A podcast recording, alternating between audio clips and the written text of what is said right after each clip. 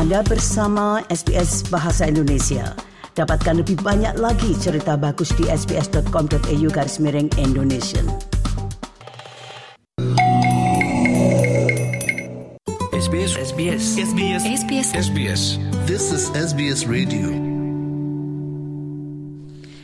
Sekali lagi jika Anda baru saja bergabung, Anda bersama SBS Audio Program Bahasa Indonesia.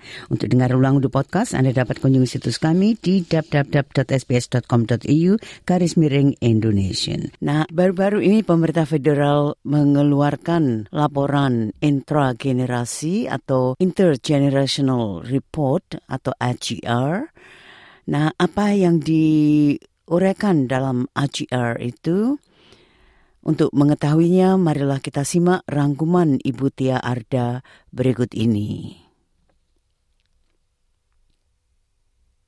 Intergenerational Report atau laporan antar generasi yang dikeluarkan oleh pemerintah menunjukkan bahwa sebagian besar warga Australia tidak lagi termasuk dalam usia kerja pada tahun-tahun mendatang. Kelompok-kelompok dunia usaha dan para ekonom mendesak pemerintah untuk menjadikan migrasi sebagai solusi atas lowongan kerja yang akan tercipta sebagai akibat dari masa pensiun tersebut. Berikut ini pendengar, rangkuman yang disusun oleh Ruth Matthew Dillon. Dalam 40 tahun ke depan, jumlah penduduk Australia yang berusia 65 tahun ke atas akan meningkat dua kali lipat. Demikian perkiraan dari laporan antar generasi atau Intergenerational Report dari pemerintah. Hal ini berarti jumlah yang signifikan dari warga Australia ini akan keluar dari dunia kerja pada tahun-tahun mendatang. Para ekonom dan kelompok-kelompok seperti Dewan Bisnis Australia termasuk di antara mereka yang mendesak pemerintah untuk mempertimbangkan migrasi sebagai pengisi kekosongan yang diakibatkan oleh masa pensiun.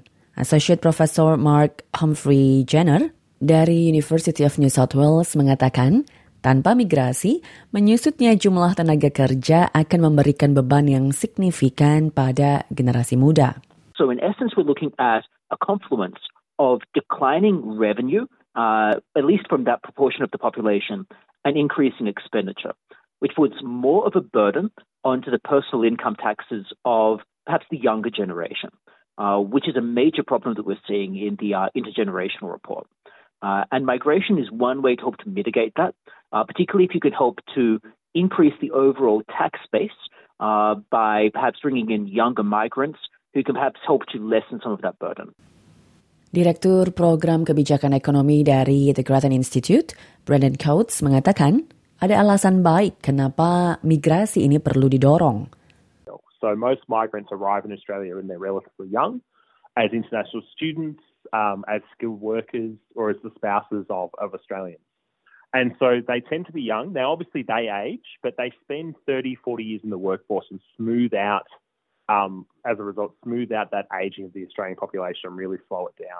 Sementara itu, beberapa kelompok lain mendesak adanya kehati-hatian. Yamamah Aga, General Manager untuk dukungan pendatang baru di Settlement Services International, mengatakan bahwa begitu mereka tiba di Australia, banyak migran dan pengungsi ini menghadapi hambatan seperti kurangnya dukungan bahasa. Yamamah mengatakan Australia harus memperbaiki sistem migrasinya agar dapat mendukung mereka secara lebih efektif dan memanfaatkan potensi mereka sepenuhnya. The, the workforce um, of migrants settling in Australia is uh, they have a lot to offer, but they uh, kind of overlooked in, in the current system because of the overseas qualification um, system. Bagi Profesor Humphrey Jenner, visa ini juga menjadi masalah utama. There's absolutely barriers in terms of visas. Uh, so many migrants want to enter the workforce in Australia. Uh, we've got many graduates going through universities that really do want to stay within Australia. They've been qualified by Australian universities, built up skills over here, oftentimes built up a network of uh, friends or family over here, and they would very much like to remain within Australia. Uh, however, the visa system makes it quite difficult. Uh, so the skilled visas are notoriously challenging to get, and if we don't loosen up some of those systems, it will make it difficult to attract people. Profesor Humphrey Jenner mengatakan, tanpa adanya perubahan besar, Australia beresiko kehilangan talenta dibandingkan negara-negara barat lainnya, seperti Kanada, Inggris, dan Amerika Serikat. Satu hal yang juga menjadi kekhawatiran Dewan Bisnis Australia.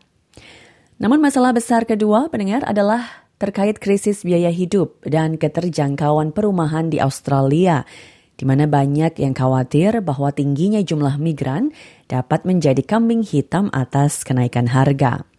Sebagian besar ahli menyalahkan hukum perencanaan dan pasokan Kabinet Nasional baru-baru ini mengumumkan kebijakan utama untuk mengatasi pasokan dengan memberikan negara bagian dan teritori hingga 3 miliar dolar jika mencapai target terbaru untuk membangun hunian baru sebanyak 1,2 juta rumah selama lima tahun ke depan. Brandon Coates mengatakan ini adalah awal yang baik. So that's the kind example of the kinds of things that we need to do to make sure that the states in particular are able to deliver, you know, the housing that's needed to house a growing population. You know, we should also be looking closely at infrastructure to make sure that we're building the right kinds of infrastructure in the right places to manage that population growth. But ultimately, it's a case of planning for that population growth as best we can to make sure that we retain popular support for the migration program, particularly skilled migration, because it does provide very large benefits to the Australian community. Sementara itu, Profesor Humphrey Jenner mengatakan bahwa mengkomunikasikan keuntungan dari migrasi ini juga menjadi kunci. It's challenging, it appears, for politicians to encourage more migration without fearing an electoral backlash. And politicians should perhaps manage their messaging in advance by helping to communicate to the Australian population that it helps everyone to encourage more migration. And that's not just more skilled migration per se, but also more migration that would enable perhaps family reunions, which helps to make Australia a more attractive destination to migrants. And there are clear benefits to Australians from that. Clear benefits in terms of increased productivity, in terms of increased innovation, in terms of increased diversity, which helps to improve overall productivity and national growth. Demikian tadi pendengar, rangkuman terkait laporan antar generasi dari pemerintah yang disusun oleh Ruth McHugh Dillon untuk SBS News dan dibawakan oleh Tia Arda untuk SBS Indonesian. Nah itulah tadi Ibu Tia Arda dengan rangkumannya tentang AGR atau Intergenerational Report dan juga solusi apa yang disarankan misalnya untuk mengisi lowongan kerja yang diakibatkan karena warga yang pensiun.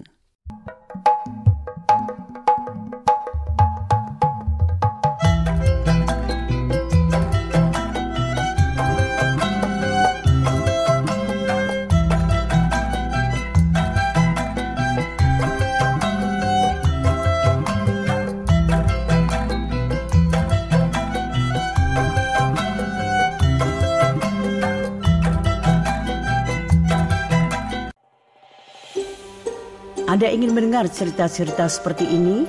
Dengarkan di Apple Podcast, Google Podcast, Spotify, atau di mana pun Anda mendapatkan podcast Anda.